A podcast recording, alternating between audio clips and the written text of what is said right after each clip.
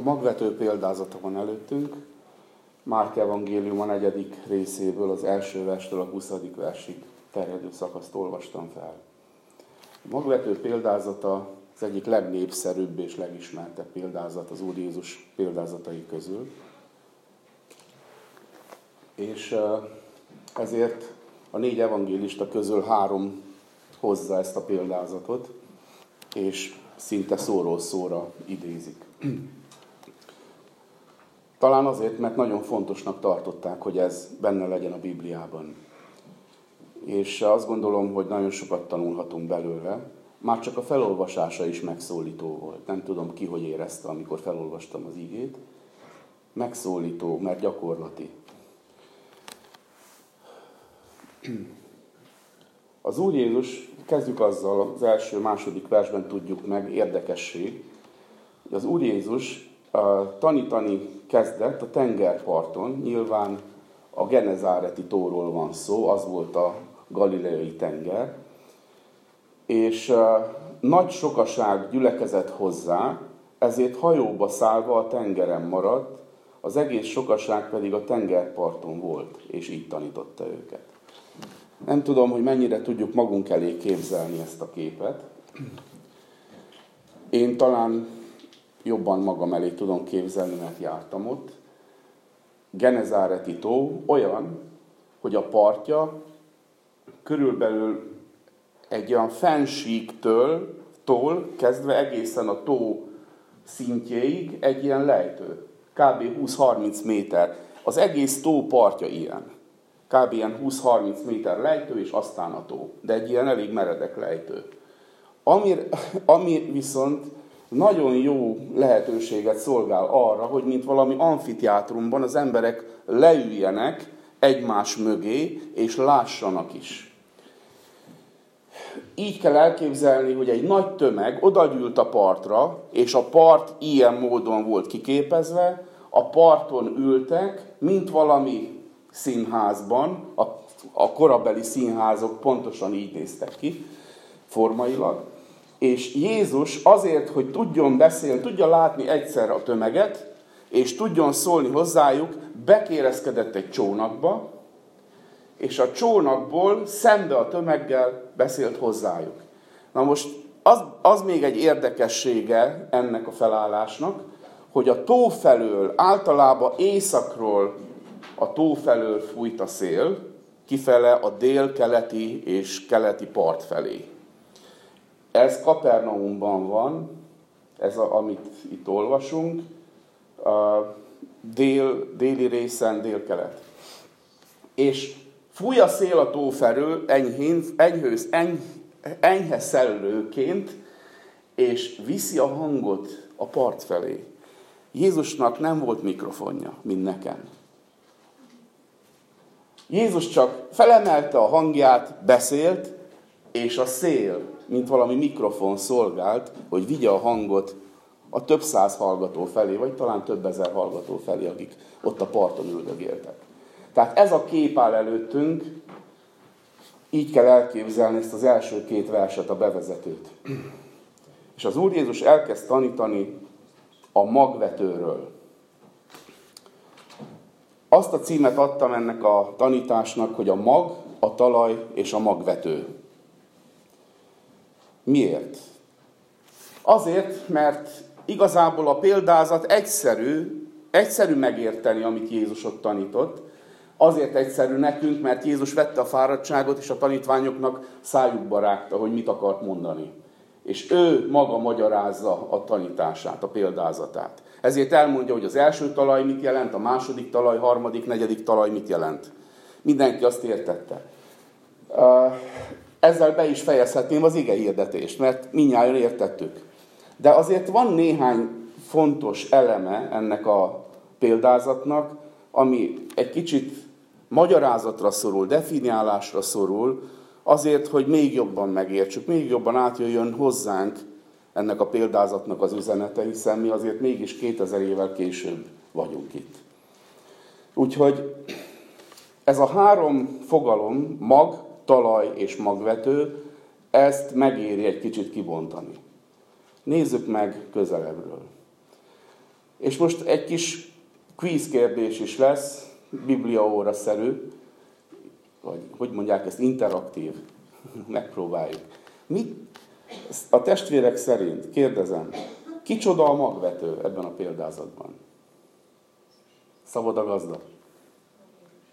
Tessék? Az. Az Úr Jézus. Más vélemény? Tessék? Az ige hirdető. Hú, de jól érzem magam. Szóval én. Van-e még valaki, aki szeretne véleményt mondani? Ki a magvető?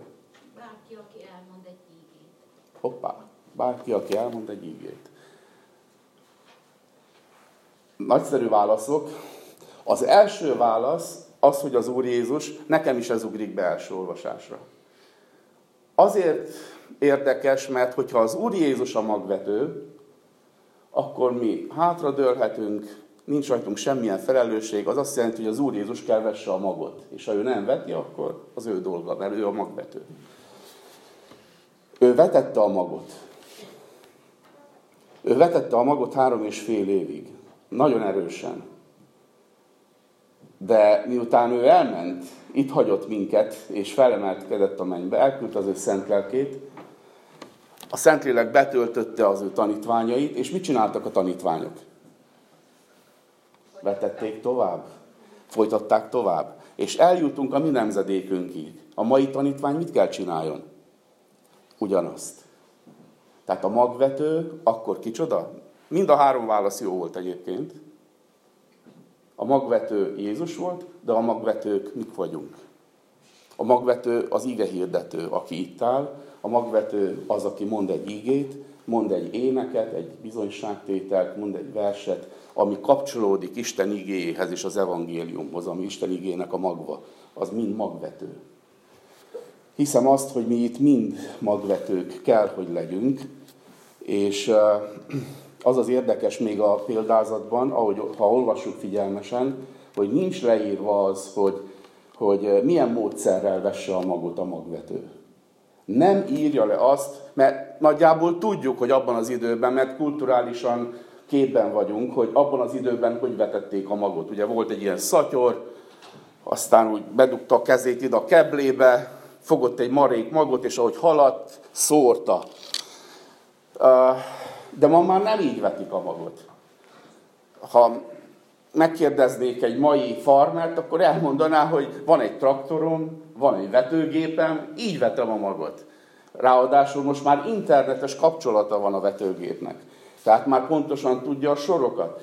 Szóval nincs leírva a módszer. Miért fontos ez? Azért, testvérek, mert magvetés nem csak azt jelenti, amikor itt áll valaki és prédikál. Ez is jó, ez is magvetés. Magvetés az, amikor kint egy barátoddal beszélgetsz az ígéről. Magvetés az, amikor kimész és egy utcasarkon beszélsz az igéről az emberekkel. Nemrég láttam, e, valahogy mostanában felpattan mindig nekem a Facebookon egy, egy e, videó, sorozat, ahol egy utcai lelkipásztor hirdeti az ígét. Kanadában, nem tudom, láttatok-e egy bármilyen ilyen klippet róla, és e, hihetetlen ellenállásba ütközik. Az emberek szídják, leköpik, hívják rá a rendőrt, kiabálnak vele, verekednek vereked úgy, hogy ő, ő állja az ütéseket, és hirdeti az ígét. És többször megnéztem azt az embert, és, és uh, imádkozok érte. Mert én azt lehet nem tudnám csinálni, de neki az adatot. Ő úgy veti a magot. Nincs leírva, hogy milyen módszerrel vessük a magot. Nincs leírva. Lehet vetni a magot sokféleképpen. Lehet vetni, ezt láttam Budafokon, ahogy csinálták, volt a, a Bor és Pesgő Fesztivál, olyankor Budafok tele van emberekkel, körülbelül 20 ezer ember gyűlik az utca, le, lezárják a főutat, és ilyen sétányá változtatják az egészet, és vannak borkóstolók, mire valaki végigmegy az utcán, már nem tudja, hol van. De, de olyan tömeg van, és a gyülekezetünk kettesével elment oda abba a tömegbe. És ott beszélgettünk az emberekkel, a spicces emberekkel az ígéről. És voltak, volt egy gyülekezet, amely felállított egy ilyen bábszínházat, ahol, ahol bemutatták az evangéliumot gyerekeknek. Tehát többféleképpen vetve volt a mag aznap azon a fesztiválon, és nagyon megfogott engem, mert ritkán látok ilyet, meg veszek részt ilyenbe, de az engem is nagyon, szóval rám is nagy hatással volt. Nem számít, hogyan veted a magot, csak vesd. Nem számít. Nincs megmondva az ígében, hogy hogyan kell. Egy zenei koncerten lehet, egy házi csoportban lehet vetni a magot. Lehet egy pantomim előadással lehet vetni a magot mindenféleképpen csak, csak történjen. Csak történjen.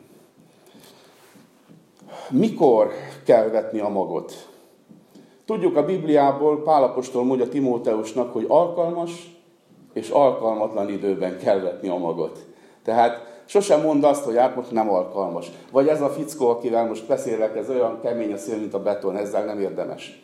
Mert ez egy ateista. Nem alkalmas és alkalmatlan időben. Sose tudod, mikor kell ki a mag. Ezért mindig. Mennyi magot kell vetni? A Bibliában benne van, ez is csak nem itt ebben a példázatban, utasít minket Isten ígéje arra, hogy mit kezdjünk a mennyivel. Azt mondja Pálapostól, hogy aki szűken vet, szűken is arat. Aki bőven vet, bőven is arat. Vagyis akkor mennyit kell vetni a magad. Jó bőven. Jó bőven. Ez, ez kapcsolódik ahhoz, hogy alkalmas és alkalmatlan időben lépten nyomon. Vesd a magot, mert nálad van a mag. Az evangéliumnak a magva. Az ígérnek az értékes magva, amiben élet van. Nálad van, a szádban van, a gondolataidban van. Tehát vidd, vesd. Sokat vesd belőle. Hol kell vetni a magot?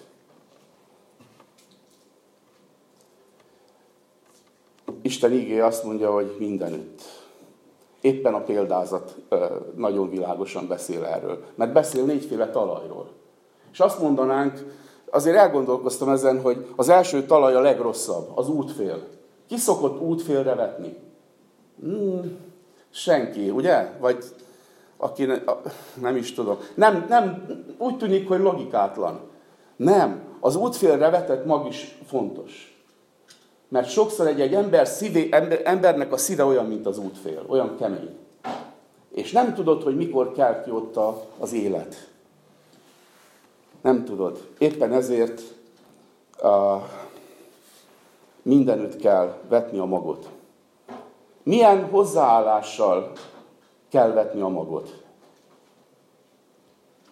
A magvető, amikor veti a magot, mindig, mindig van a szívében egy várakozás. Egyáltalán nem arra számít, hogy ma reggel elvetem a magot, és este már kenyeret sütök belőle. Nem, hanem van egy várakozás. Van egy reményteljes várakozás, hogy ez beérik. Ugye? És számítnak rá, hogy beérik. Testvérek, a lelki életben is pontosan így van. Lehet, hogy vannak közöttünk olyanok, akik már 10-20-30 év vetik a magot a családjukban. A gyermekeik felé, rokonaik felé, barátaik felé, és várják, hogy mikor kell ki. Mikor szár szökken, szökken szárba, és mikor lesz termés belőle. Reménységgel várd. Aki sírva veti a magot, vigadozással hozza a kévéit. Tehát mi magvetők vagyunk, minnyáján, mert az ige nekünk adatott, reménységgel tegyük ezt. Mindig tegyük ezt, bőven tegyük ezt, kitartóan tegyük. Nem számít a módszer. És nem számít, hogy mennyire vagy tanult, vagy nem tanult. Mert a magvető te vagy, meg én vagyok, akinek adatott a mag. Amely Isten igéje, amely élő és ható. Hmm. Szóval ennyit a magvetőről. A magról egy pár szót. Egyértelmű, hogy a mag az micsoda? Isten igéje, ugye beszéltünk el, Isten beszéde. Péter első level első részben, a 23. versben találunk egy nagyszerű mondatot, csak fel, felidézem, sokszor hallhattuk már, így hangzik.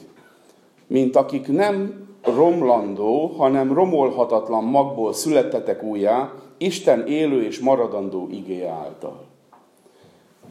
Romolhatatlan magból születtünk mi magunk újjá, Isten maradandó igé által. Isten igéje nélkül nem lehet új élet.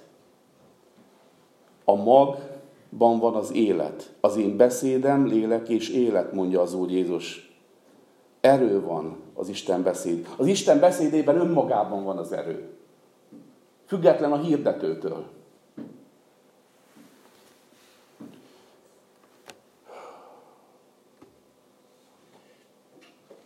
Nagyon fontos még megemlíteni itt azt, hogy a magvető magot vet, nem valami mást.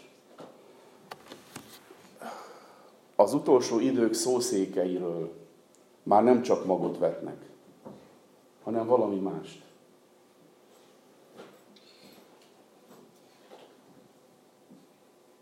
Charles Finney mondta azt, nem tudom, mond ez a név bárkinek valamit, a 18. Nem, 18. század ébred, amerikai ébredéseinek az egyik zászlóvivője volt. 1834-ben New Yorkban egy nagy ébredés indult Charles Finney által, ami végig sepelt az országot. Charles Finney mondta azt, hogy nem mindegy, hogy magot vetel, vagy gyöngyszemeket. A gyöngyszem nagyon szép. Lehet szórni a földre, soha nem fog kikelni, mert nincs benne élet, csak csillog.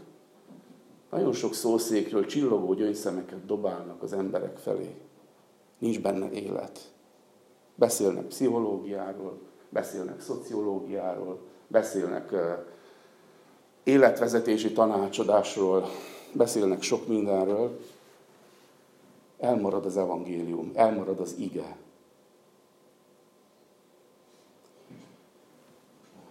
Nekünk igét kell hirdetni, igét kell továbbadni, azt az igét, ami átformált minket is. Nem valakiknek a mondani valóját kell továbbadjuk, nem egyházatjáknak az idézeteit kell továbbadjuk, nem kommentárokból olvasott gondolatokat kell továbbadni, nem okos életfilozófiai eszmefuttatásokat kell továbbadni, Isten igét kell továbbadni. Lehet, hogy nem lesz olyan szép, mert az csak egy egyszerű mag de élet van benne. Isten élete van benne. Nagyon különös, két évvel ezelőtt talán olvastam ezt, és megmaradt bennem, hogy archeológusok megtaláltak ókori 3000 évvel ezelőtti egyiptomi sírban le, kancsóba leszigetelt vagy lezárt búzamagvakat szárazon tartott búzamagvak, ott voltak a, a, abban, a, abban a cserépedényben.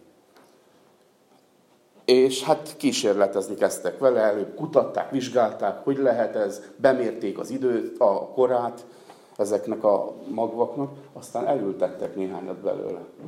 Mit gondoltok, mi történt? Kikelt. Három ezer év. Kikelt a mag. Azért, mert élet van benne. És azért bízunk Isten igényének az erejében, amelyben élet van. Csak adjuk tovább ez a felelősségünk. Csak adjuk tovább. Akinek tehetjük. A talajról még egy pár szót. A talaj mi vagyunk, a mi szívünk ebben a példázatban. Az emberek szíve. És az az igazság, hogy egyikünk se jó talajként indul, mert itt van többféle talaj, az egyik a jó talaj az utolsó a négy közül. De egyikünknek sincs jó talaj. Nem úgy indultunk egyik se, hogy mi kezdettől fogva jó talaj voltunk, és fú, abba születésünk óta csak úgy növekszik a búza és terem. Nem.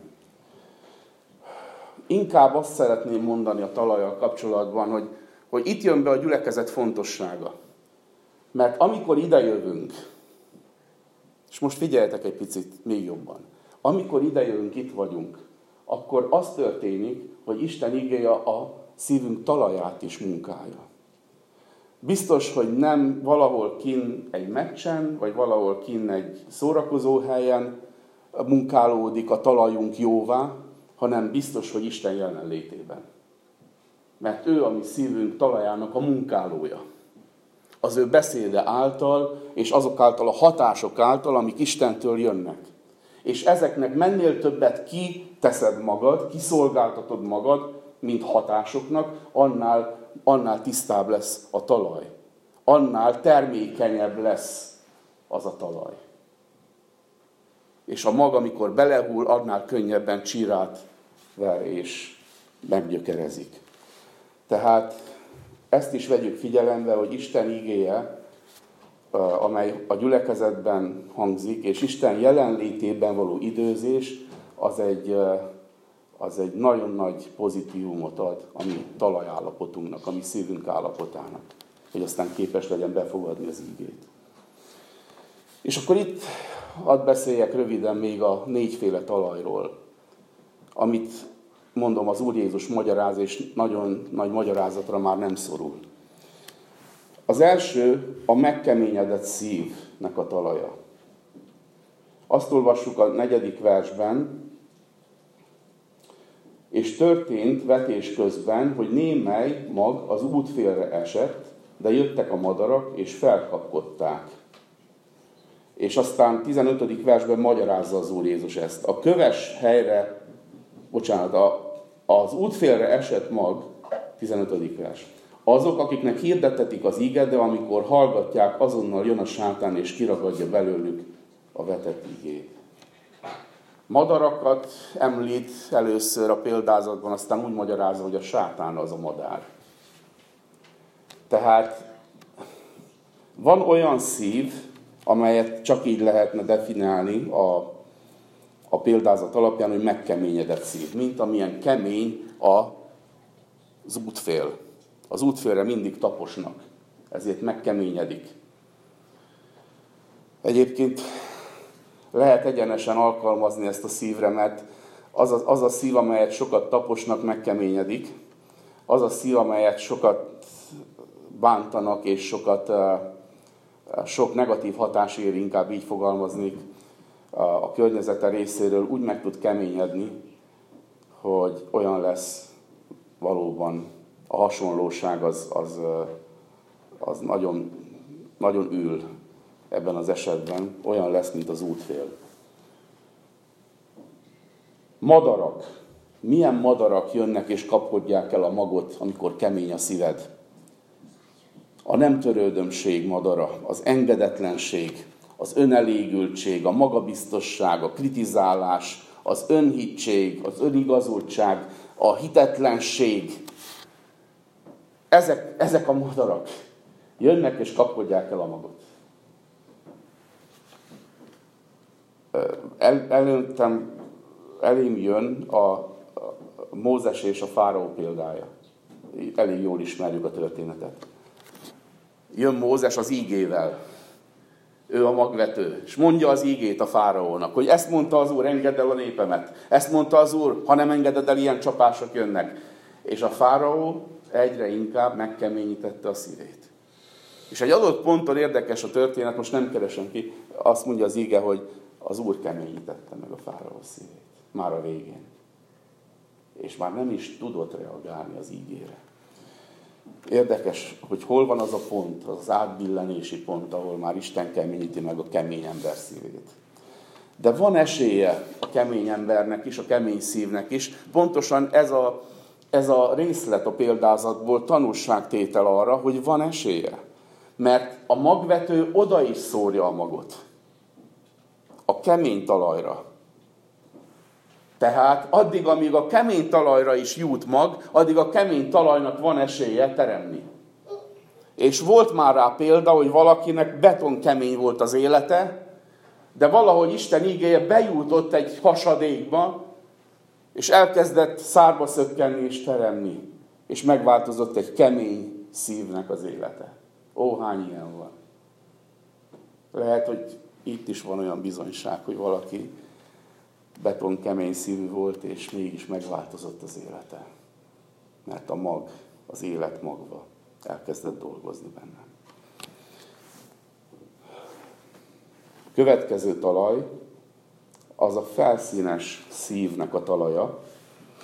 Azt olvassuk az ötödik versben.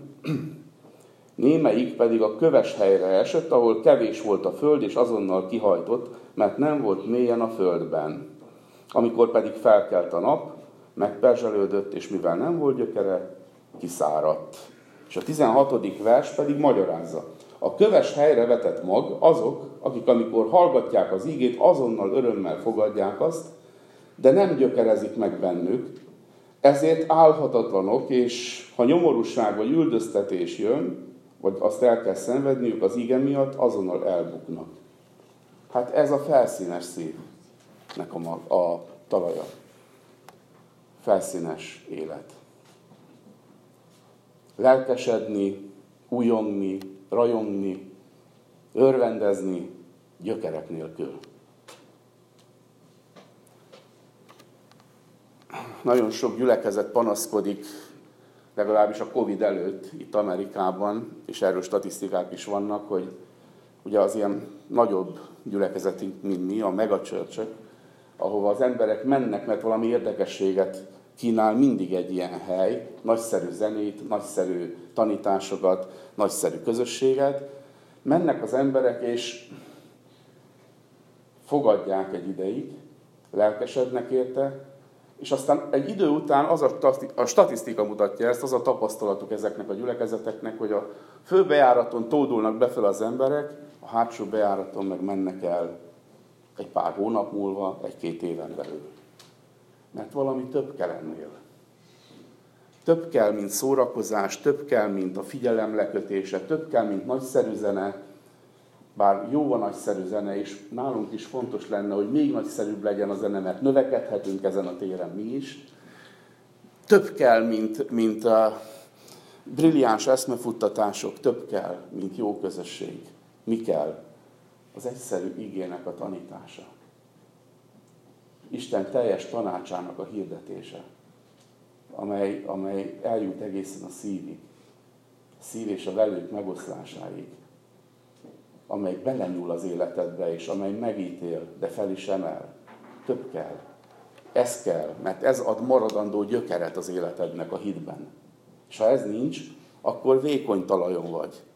És jönnek a próbák, jönnek a nehézségek, jön egy olyan helyzet, hogy elveszted a munkahelyedet, jön egy olyan helyzet, hogy meghal valaki melletted, akit szerettél, jön egy olyan helyzet, hogy, hogy valamilyen kiszolgáltatottságba kerülsz, kapcsolati problémáid vannak, egészségügyi problémáid vannak, jönnek a bajok, a próbák. És mivel hogy nincs gyökere a hitednek, ezért azonnal feladod, és azt mondod, hol van az Isten, aki, akinek én integettem a dicsőítés alatt. Hol van az az Isten? Ott van, csak neked nincs gyökeredő benne. Nem kaptál igazi igét amely életet adott volna benned. És nem tudsz benne bízni, és ezért feladod. Ez a felszínes szívnek az állapota, a talaja. A homokra épített háznak a, a képe, amiről Jézus beszél a hegyi beszédben. Vagy emlékezzetek Félixre és Druzillára az apostolok cselekedetei 24. részből, amikor behívják Pált, és Pál fogoly Cézáriában, behívják egy meghallgatásra, Pál beszél nekik az evangéliumról, de aztán rátér az ítéletre. Rátér arra, hogy, hogy igenis van igazságos Isten felettünk, és meg fog ítélni, és van egy fia, aki feltámad a halál, feltámadt a halálból, és ő ítél eleveneket és holtakat, és Félix meg kell térned. És amikor Félix ezt hallja, akkor azt mondja, hú, megijedt, megdöbbent, és azt mondja, majd mi meghallgatlak ezzel kapcsolatban, és elküldte és nem tudott, nem tudta befogadni. Vékony volt a talaj. Nem tudott meggyökerezni benne az ige. Harmadik féle talaj, a megosztott szívnek a talaja. Gyorsan megyünk át most már mindegyiken, ha még van türelmetek. Hetedik vers és tizennyolcadik vers beszél erről. Hetedik versben. Más része a magnak, a tövisek közé esett, de a tövisek megnőttek, megfojtották, és így nem hozott termést. Figyeltek? A tövisek megnőttek, megfojtották, és nem hozott termést. 18. vers pedig ezt mondja, így magyarázza Jézus ezt. Megint más a tövisek közé vetett mag. Ezek azok, akik meghallják az ígét, de e világ gondja, a gazdagság csábítása, vagy egyéb dolgok megkívánása benövi és megfojtja az ígét, úgyhogy az sem hoz termést. Nagyon érdekesnek találtam ebben a két mondatban, a példázat mondata és a magyarázat mondata egy fontos dolgot emel ki mind a kettő. És ezt ragadjuk meg. Hogy a tövis megfojtja az ígét. A tövis az, ami felnő, és megfojtja a növényt. De ez így van a természetben is, nem? Vetünk valamit a kertbe, ha engedjük, hogy a burján meg a tövis felnőjön, nem a, nem a paradicsom palánta fogja megfojtani a burjánt meg a tövist. Soha nem. Én még nem láttam olyat. Nem tudom, látott valaki olyat, hogy úgy megnőtt a paradicsom, hogy szegény burján elszáradt alatta. Nem. Fordítva. Mindig fordítva van. Hogy lehet ez? Nyilván van egy biológiai magyarázata, abban nem megyek bele, de van egy lelki magyarázata ennek. Nem azért van ez így, mert az ige magva gyenge. Gyengébb, mint a búrján, meg a gaz, meg mint a bűn. Hanem itt az én hozzáállásom és a te hozzáállásom dönti el az egészet. Mert mi vagyunk az a tövéses talaj. És hogyha az én életemben, az Isten igéjének, ennek a drága magnak, az élet magvának nincs olyan értéke az én szememben, mint például egy szórakozásnak, mint például egy, egy, egy világi kívánságnak, valamilyen, valamilyen lehetőségnek, amit ez az élet kínál nekem. Kell jönni gyülekezetbe? Igen, de nagyon jó meccs van. Inkább maradok otthon és megnézem a meccset. Na akkor a tövi is nagyobb az életedben, mint a mag. Erősebb és folytja a magot. És hogyha mindig ilyen döntéseket hozol, hogy az nekem most többet ér, mint ez. Te döntöd el akkor a te töviseid összenőnek a mag fölött, és megölik. És ez talán itt van a mi felelősségünk, és, és itt van a fogadónak a felelőssége, aki hallja az ígét. Mert a mag, a mag hintve van, a magvető hinti a magot. De aki fogadja, hogyha az ő életében ez, ez nincs eldöntve, hogy, hogy ez érték számomra annyira, hogy most figyelek rá, és mindent félreteszek, akkor a te életed egy tövises talaj. Egy tövises, megosztott talaj, egy megosztott szív, amely minden, minduntalan az abban játszik, és ebben, ebben érdekelt, hogy ő maga a maga hatáskörében döntse el, hogy most mi fontos. Isten ígéje elsődleges fontosságot igényel az életedben. És hogyha ezt nem kapja meg ezt az első helyet, akkor menthetetlenül tövisek nőnek fel. Kész. Milyen tövisek ezek? Azt mondja az ige, hogy, hogy a, a világ gondja, amikor a világ gondja elővesz, hogy mi lesz a nyugdíjammal? Mi lesz, ha, mi lesz, ha mire én nyugdíjba megyek, már nem is lesz nyugdíjrendszer, mert összeomlik az egész. Mert mit tudom én, a politikusok elviszik. Mi lesz akkor? Jaj, mi lesz? És ott van ez az aggódás. Jó, hát akkor gyűjtenem kell, akkor menjek és gürizzek. Akkor mindent tegyek meg azért, hogy értéket teremtsek. Azért, hogy legyen majd akkorra. Igen, de arra rámegy az egészségem. És addigra, mire élvezném, kipuffanok. És, és közben pedig az igen marad, mindig marad, mindig marad. Na itt vannak a tövések.